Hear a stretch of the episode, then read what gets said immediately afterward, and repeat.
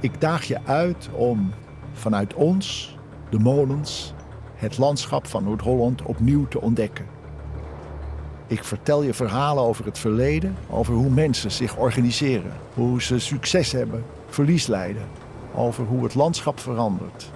Je ontmoet de molenaars die ons in stand houden en je ontmoet mensen die vandaag de dag aan het landschap werken en nadenken over de toekomst. Welkom bij het geheimgenootschap van fluisterende molens. Hallo, ik ben Roos Slikker. In het dagelijks leven ben ik uh, columnist, schrijver, klein beetje televisiemaker. Maar een van mijn grote hobby's is fietsen in Noord-Holland.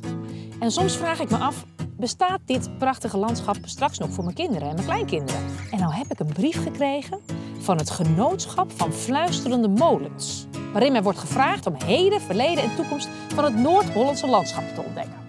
Ik ben uh, Micha van Beuren. Ik ben ruimtelijk ontwerper, landschapsarchitect bij Wageningen University and Research. Ik ben medeontwerper van de kaart en het project wat gaat over de toekomst van uh, Nederland in 2120. Ja, en het genootschap van die fluisterende molensroos, die heeft mij gevraagd om jou op weg te helpen door dat landschap op jouw fietsroutes. Want als je met goede ogen kijkt, dan is het landschap een tijdmachine van verschillende tijden komen dingen in het landschap terug. Hè. Soms is iets middeleeuws, soms uit de Gouden Eeuw. Of we hebben het gisteren pas gemaakt. Maar dat is precies waar ik jou op wil attenderen.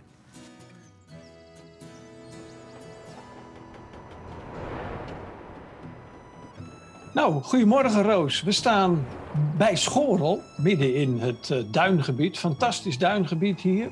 Waar ook natuurlijk een grote vraag is: hoe gaat zich dat in de toekomst uh, ontwikkelen? De zeespiegel stijgt, dat weet iedereen. En de mooiste manier om ons tegen de zee te wapenen is natuurlijk die duinen. Hè? Fantastisch landschap, maar meteen ook gratis uh, um, verdediging tegen de zee. Kunnen we die duinen niet veel breder maken?